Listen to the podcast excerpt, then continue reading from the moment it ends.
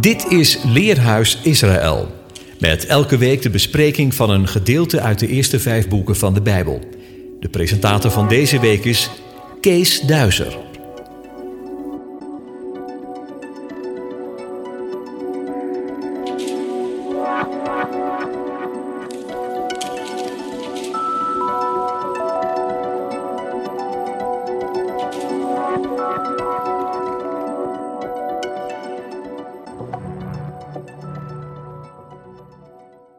Shalom luisteraars. Welkom bij deze nieuwe uitzending van Leerhuis Israël. Op deze Shabbat wordt in de synagoge gelezen de parashat Vayechi. Dit is de laatste parasha van het eerste boek van de Torah, Bereshit, ofwel Genesis. De parasha begint bij Bereshit 47 vers 28 en gaat tot 50 vers 26. Jacob is 147 jaar en bereikt het einde van zijn leven. Hij zegent de twee zonen van Jozef, Manasseh en Ephraim, en neemt hen aan als zijn eigen zonen. Hij belooft Jozef een dubbel deel van de erfenis en daarmee tevens het eerstgeboorterecht. Vervolgens spreekt hij voor al zijn zonen een persoonlijke zegen uit. Jacob sterft en wordt begraven in het land Canaan, in de grot van Machpelah, bij zijn voorvaders Abraham en Yitzchak. Jozef wordt benaderd door zijn broers, die bang zijn geworden dat hij zich alsnog op hen zal wreken. Jozef verzekert hen dat dat niet het geval is en vraagt hen te zorgen dat zijn stoffelijk overschot niet achterblijft in Egypte als het volk Israël weer terugkeert naar het beloofde land. Jozef sterft op de leeftijd van 110 jaar oud. De Haftaradlezing is uit 1 Koningen 2 vers 1 tot 12. Koning David voelt zijn einde naderen en geeft aan zijn zoon Shlomo de laatste raadgevingen met betrekking tot het koningschap. Tevens geeft hij hem de laatste opdrachten die Shlomo na zijn dood moet uitvoeren. De lezing uit de apostolische geschriften vinden wij in de eerste brief van de apostel Petrus, hoofdstuk 1, vers 1 tot 9. De apostel biedt in dit gedeelte aan de lezers van de brief uitzicht op de hoop van de redding. De God en Vader van onze Heer Yeshua HaMashiach heeft ons, gelovigen, door zijn grote barmhartigheid opnieuw geboren doen worden door de opstanding van Yeshua uit de doden.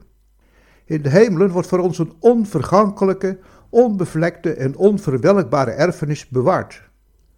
Door de kracht van God worden wij bewaakt door het geloof tot redding, die gereed ligt om geopenbaard te worden in de laatste tijd.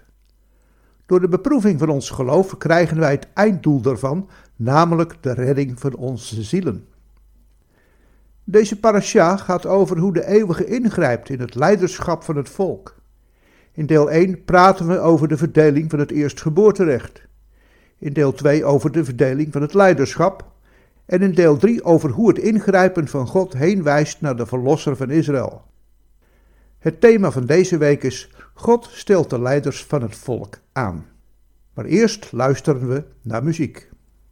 Take it away, guys.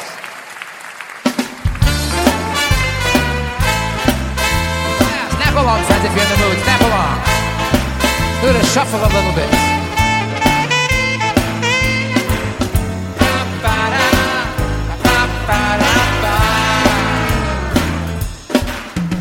אהבתי יסכם, אהבתי, אהבתי יסכם, אומר השם, אהבתי יסכם, אהבתי, בונים אתם להשם. אהבתי יסכם, אהבתי, אהבתי יסכם, אומר השם, אהבתי יסכם, אהבתי, בונים אתם להשם. בין כך ובין כך, בוני היי, בין כך ובין כך, בוני היי, בין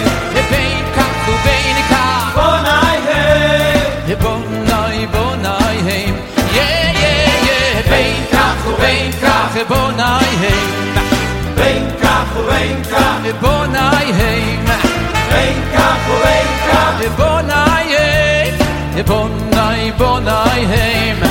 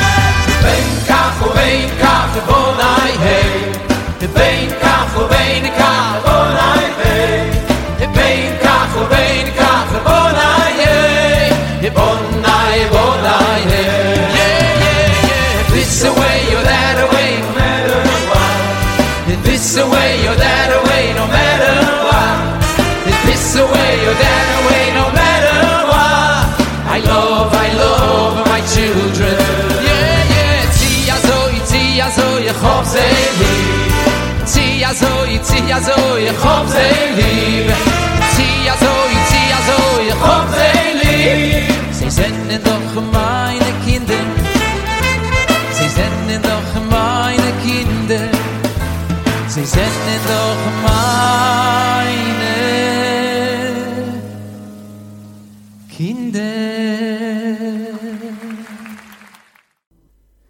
Zoals gebruikelijk is de titel van deze parasha ontleend aan de eerste woorden waarmee de parasha begint.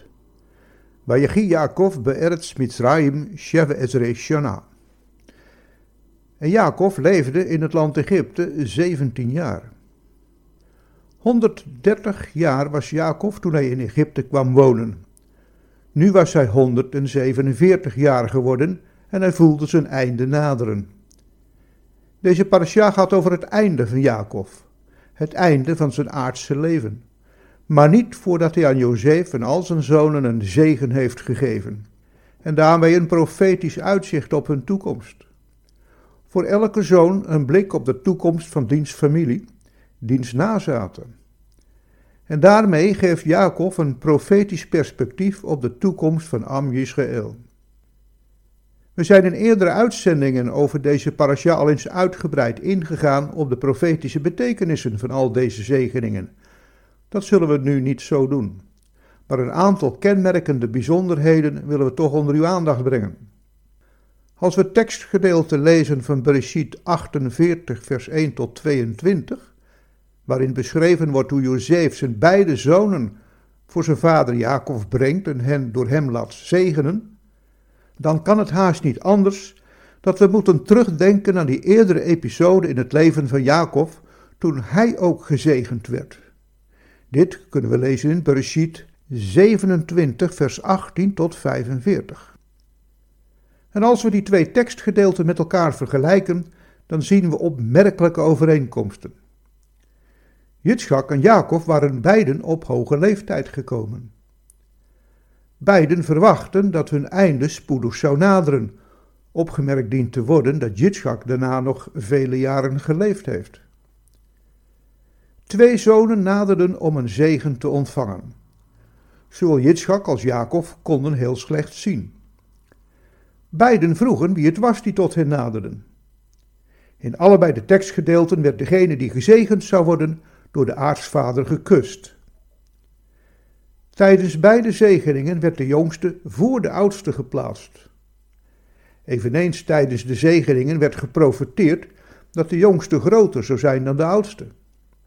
Maar als we de overeenkomsten tussen beide tekstgedeelten nader beschouwen, dan kunnen we ons wel wat afvragen. In Bereshit 27 wordt Jacob voor Esau geplaatst.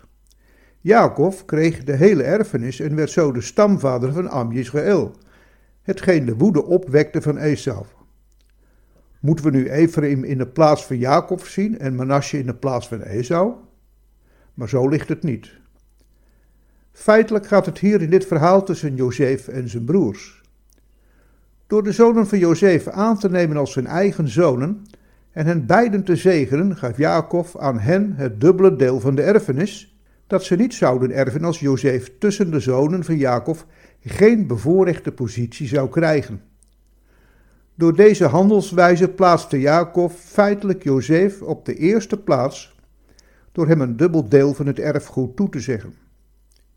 In Bereshit 48 vers 22 wordt dat door hem nog eens bevestigd, door hem een bergrug in het land Canaan toe te zeggen.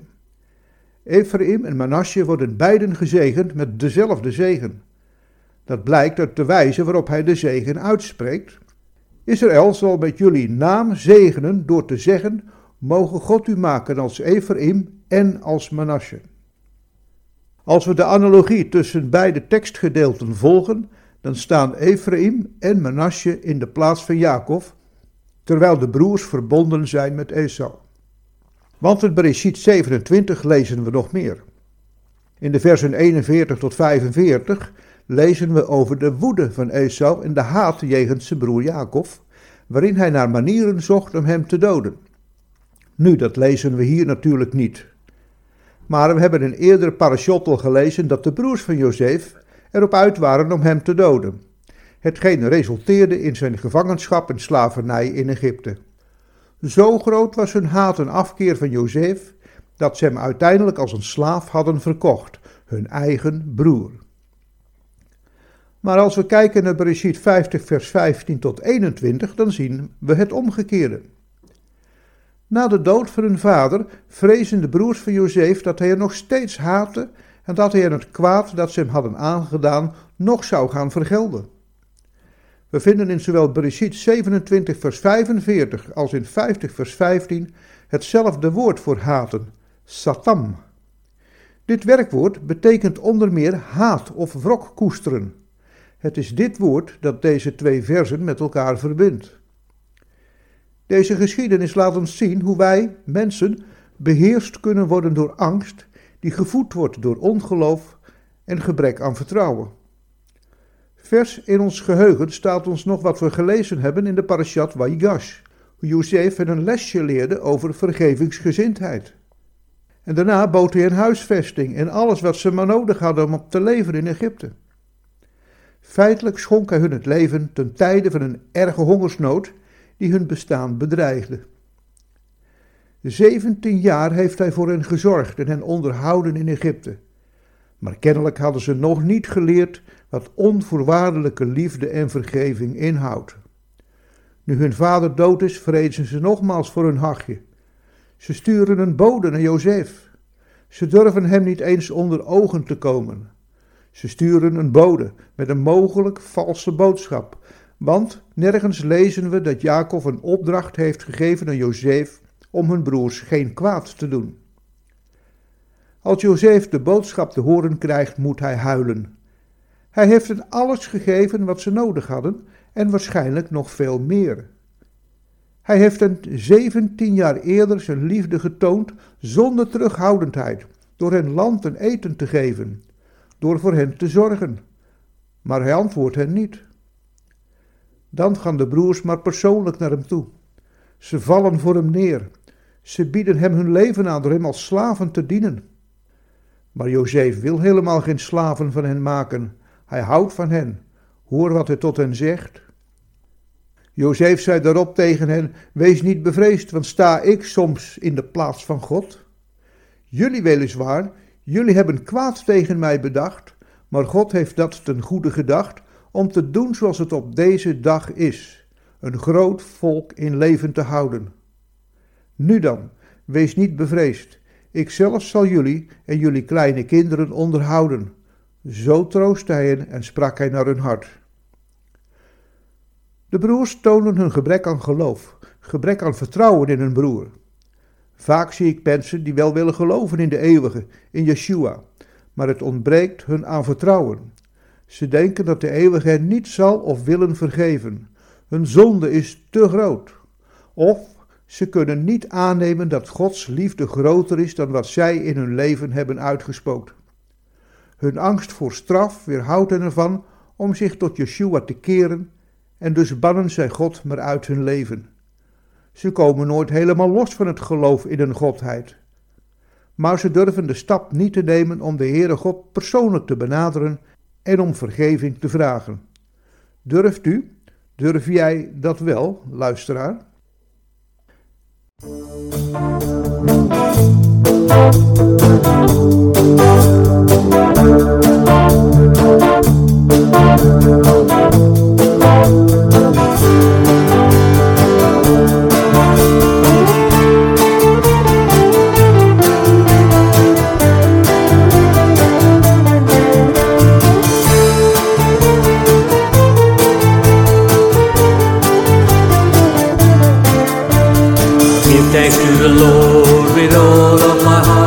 I'll tell of all its wonders. I will exalt you had.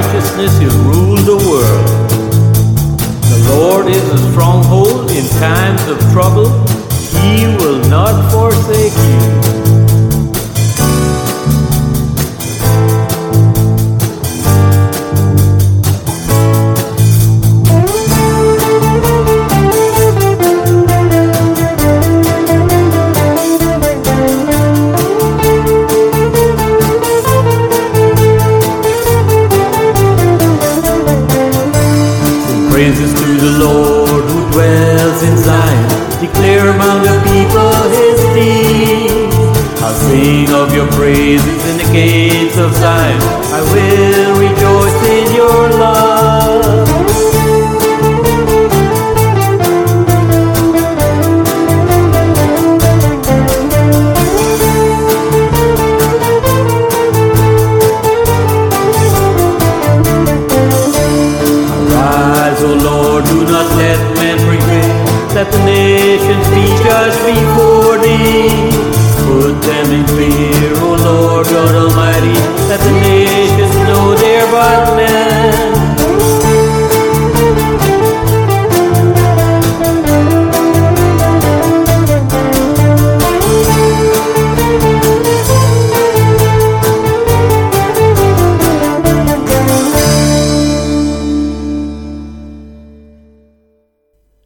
is goed om hier wat meer aandacht te besteden aan het eerstgeboorterecht.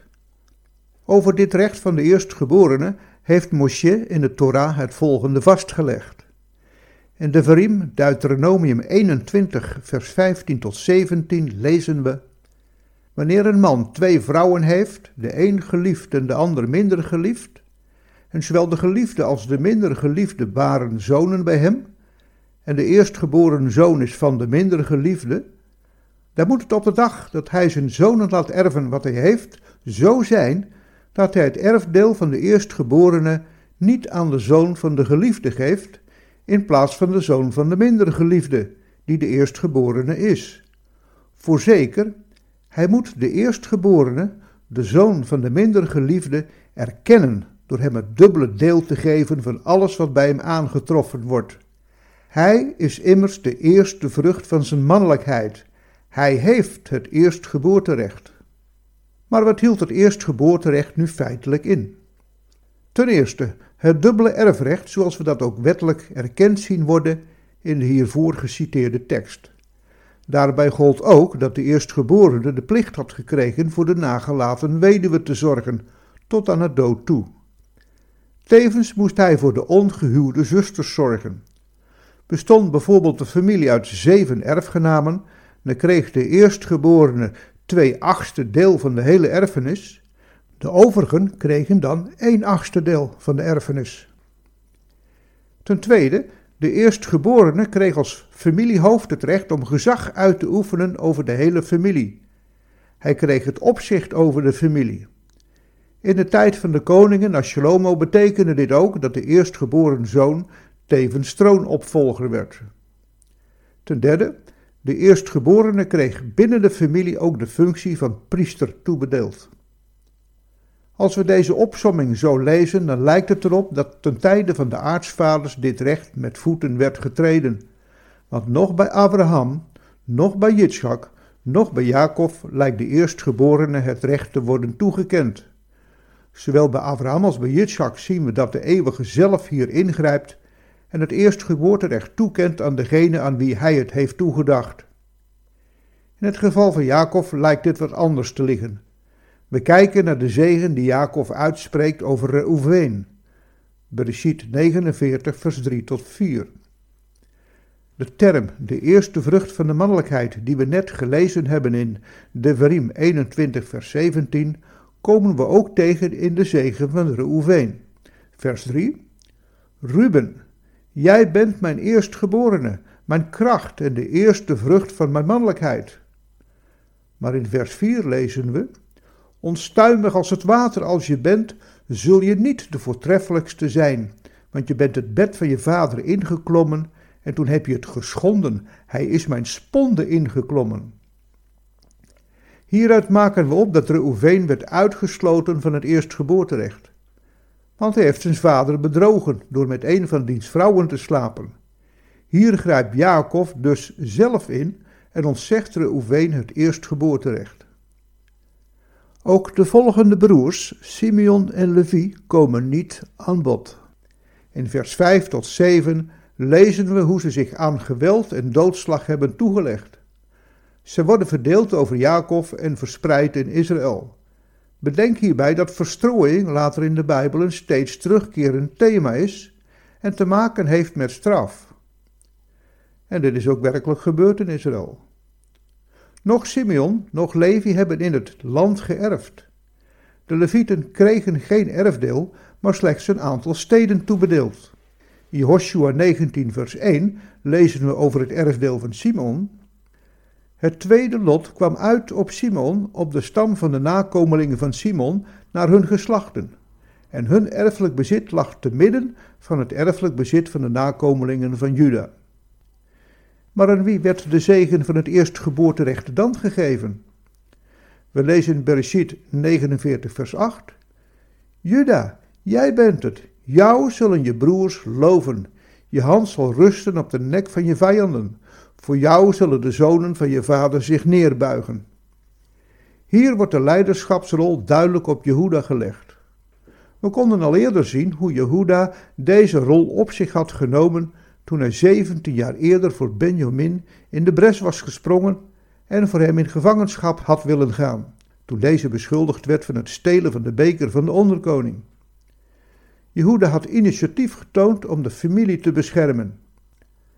Maar hoe zit het dan met Jozef, met de zegen voor Ephraim en Manasseh? We zagen al hoe Jacob die zegen had verdeeld over Ephraim en Manasseh. Dat was de zegen van het dubbele erfdeel. We vinden mogelijk een antwoord in 1 Kronieken 5 vers 1 en 2a.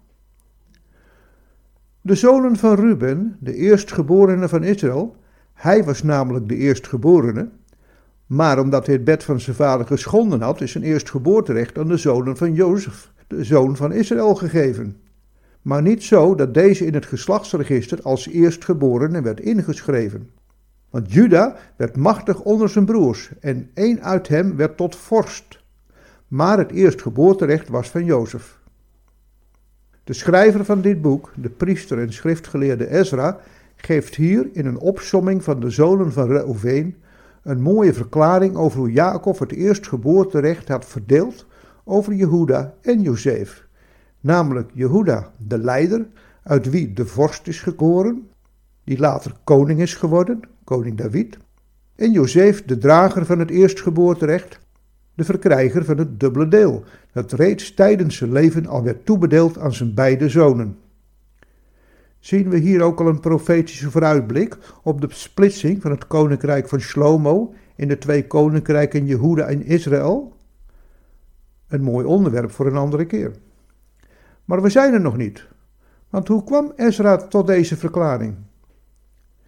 We lezen Bereshit 49, vers 22 tot 26. Jozef is een jonge vruchtbare boom. Een jonge vruchtbare boom bij een bron. Elk van zijn takken loopt over de muur. Boogschutters hebben hem verbitterd, beschoten en hem gehaat. Maar zijn boog bleef gespannen, zijn armen en handen bleven soepel door de handen van de machtige van Jacob, vandaar dat hij de herder is, de rots van Israël. Door de God van je vader die je zal helpen en door de Almachtige die je zal zegenen met zegeningen uit de hemel van boven, met zegeningen uit de watervloed die beneden ligt, met zegeningen van borsten en baarmoeder. De zegeningen van je vader gaan de zegeningen van mijn vaderen te boven, tot aan de begerenswaardigheid van de eeuwige heuvels. Zij zullen zijn op het hoofd van Jozef, ja op de schedel van de gewijde onder zijn broers. Deze tekst vertoont een mooie inhoudelijke parallel met de tekst uit Bereshit 27, vers 28 en 29. Mogen God je geven van de dauw van de hemel, van de vruchtbare streken van de aarde, overvloed van koren en nieuwe wijn. Volken zullen je dienen, naties zullen zich voor je buigen. Wees heerser over je broers, de zonen van je moeder zullen zich voor je buigen.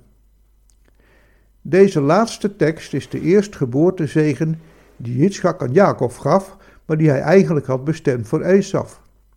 We lezen in deze zegen de volgende bestanddelen: het eerstgeboorterecht, het leiderschap over de familie, het leiderschap over de vijanden van Israël. De zegen van overvloed vinden we terug in de zegen die over Jozef werd uitgesproken. De zegen van het leiderschap zien we terugkomen in de zegen die over Jehuda werd uitgesproken. Hoe mooi te zien hoe Jacob deze eerstgeboortezegen over twee van zijn zonen heeft verdeeld.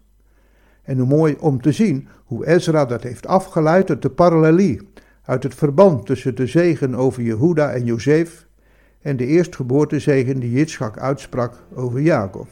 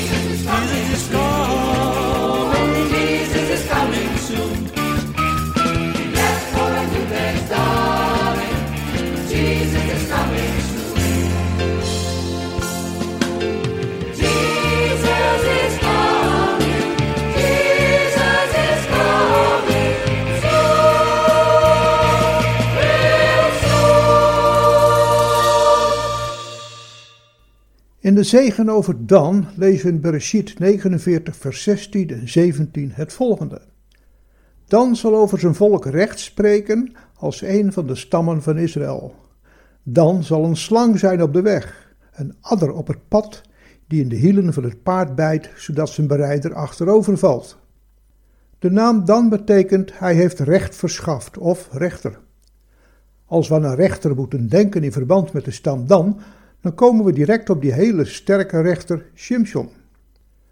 Over die geheimzinnige beschrijving in vers 17. Dan zal een slang zijn op de weg, een adder op het pad, die in de hielen van het paard bijt, zodat zijn berijder achterover valt, hebben de rabbijnen Rashi, Nachmanides en Sforno het volgende geschreven. Rashi verwijst in algemene zin naar Shimshon als degene die vele duizenden Filistijnen heeft gedood.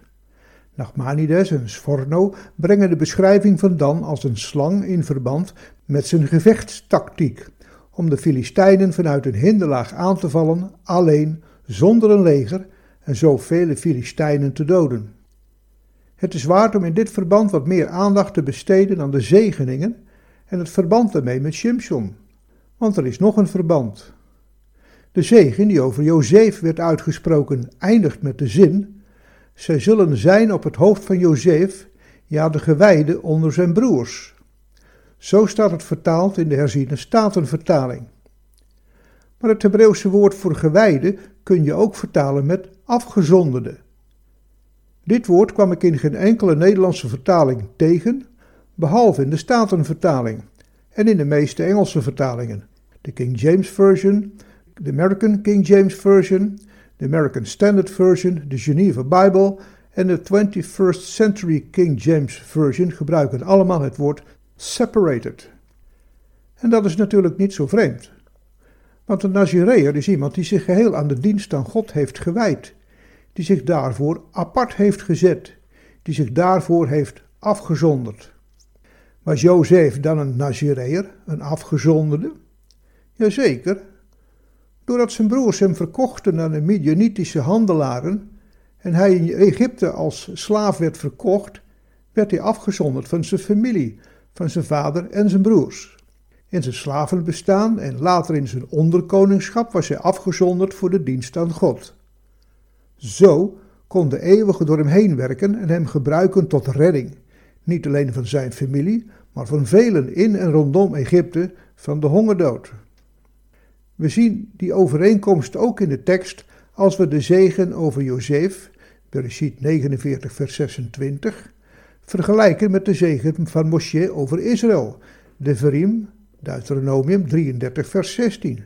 En de eisen aan het Nazireërschap, dat vinden we in bemidbaar nummer 6 vers 7 tot 8. En ik lees ze allen u voor uit de Statenvertaling. We beginnen met Bereshit 49 vers 26. De zegeningen uws vaders gaan te boven de zegeningen mijner voorvaderen, tot aan het einde van de eeuwige heuvelen. Die zullen zijn op het hoofd van Jozef en op de hoofdschedel des afgezonderden zijn er broederen. De Verim 33 vers 16.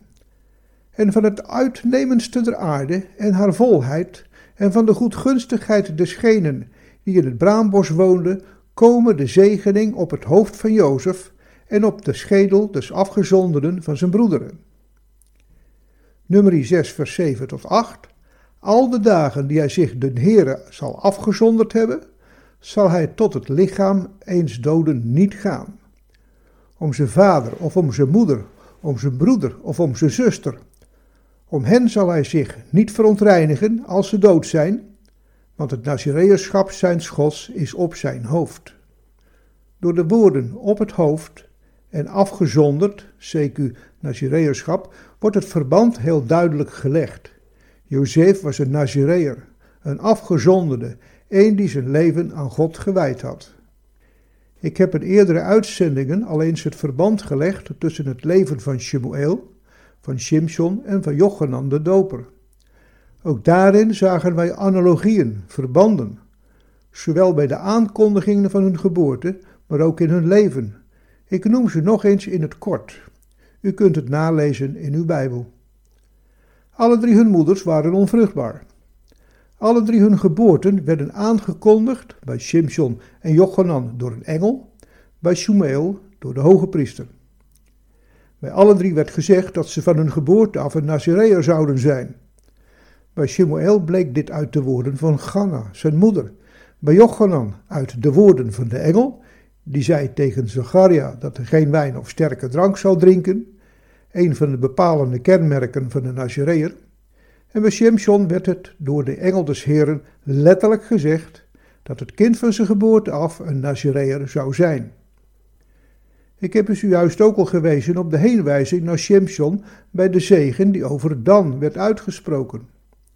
Het nodigt ons daarom uit om nog wat dieper in te gaan op aspecten uit het leven van Shimshon.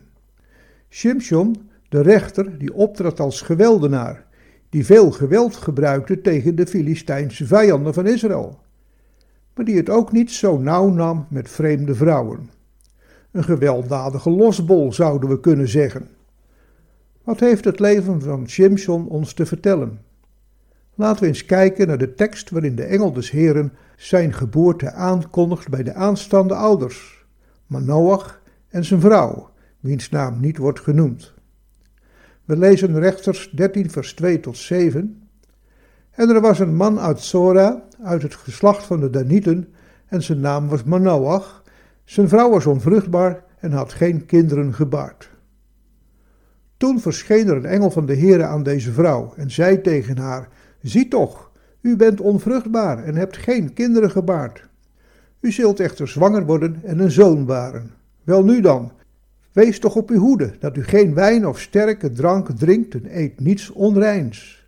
Want zie, u zult zwanger worden en een zoon baren, en er mag geen scheermes op zijn hoofd komen, want het jongetje zal van de moederschoot af als Nazireër aan God gewijd zijn, en hij zal beginnen Israël te verlossen uit de hand van de Filistijnen. Toen ging deze vrouw naar binnen en zei tegen haar man: Een man Gods kwam bij mij en zijn uiterlijk was als het uiterlijk van een engel van God, heel ontzagwekkend. Ik vroeg hem niet waar hij vandaan kwam en hij heeft mij zijn naam niet verteld. Maar hij zei tegen mij: Zie, u zult zwanger worden en een zoon baren. Welnu, drink geen wijn of sterke drank en eet niets onreins, want het jongetje zal van de moederschoot af tot op de dag van zijn dood als Nazireër aan God gewijd zijn. Als we deze tekst nader bestuderen, dan zien we een opvallende structuur in de tekst. De inhoud van de versen 2 tot 5 wordt in de versen 6 tot 7 herhaald. Dit wordt een parallelie genoemd. Ook dit is weer een kenmerkend verschijnsel in de Tenach die ons duidelijk wil maken dat hier een bijzondere boodschap, een les uit te leren valt. Ik zet de structuur voor u op een rij. A. Vers 2 geeft de beschrijving van een man en een vrouw, waarvan de vrouw onvruchtbaar is, tegenover vers 6a, ook hier de beschrijving van een man en een vrouw. B. Vers 3a vertelt over de verschijning van een engel, tegenover vers 6b, waar ook de verschijning van een engel wordt weergegeven. C.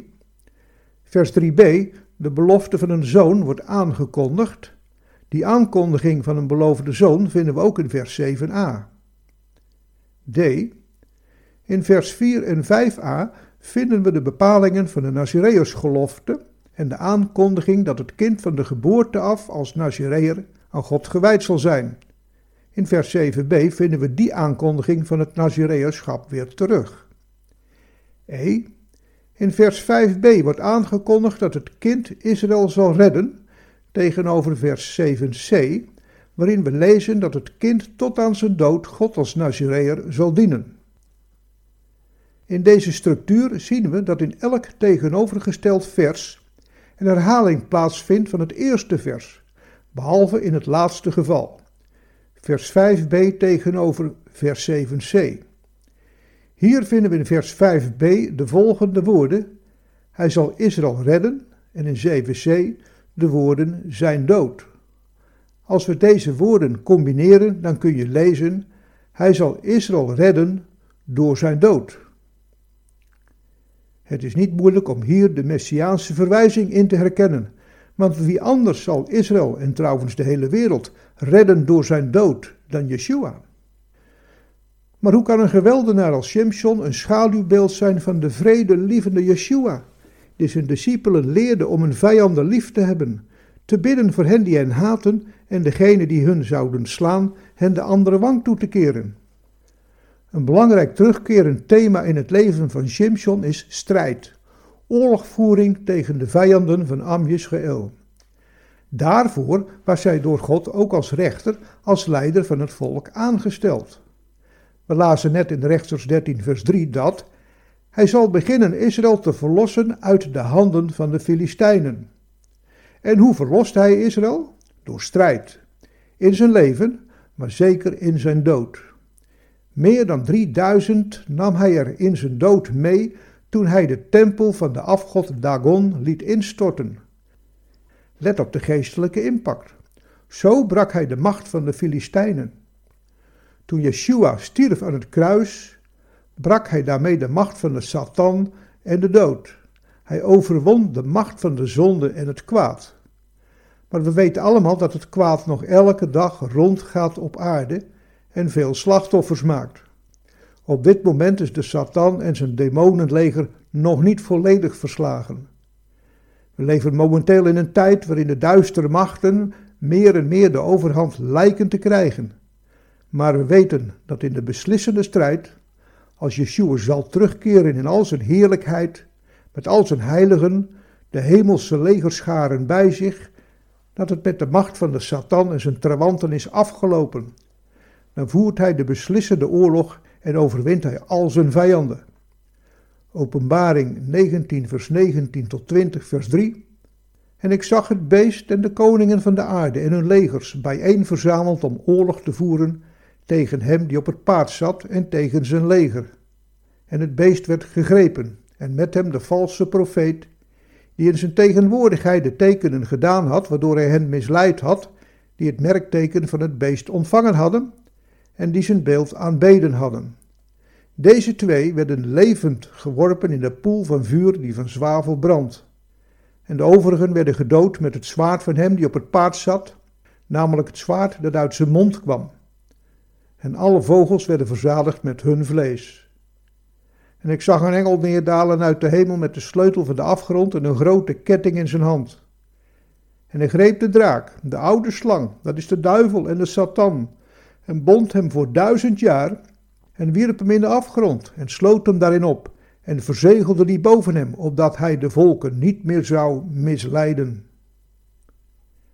Ik wens je een gezegend, gezond en gelukkig nieuwjaar toe. Shabbat Shalom. U luisterde naar het programma Leerhuis Radio Israël. Een wekelijkse studie aan de hand van de Bijbelgedeelten die wekelijks door de Joodse gemeenschap worden gelezen. Heeft u een vraag of opmerking? Stuur dan een e-mail naar info radioisrael.nl. Het leesrooster vindt u op onze website. Ga naar radioisrael.nl en klik onder het kopje radio op programma's.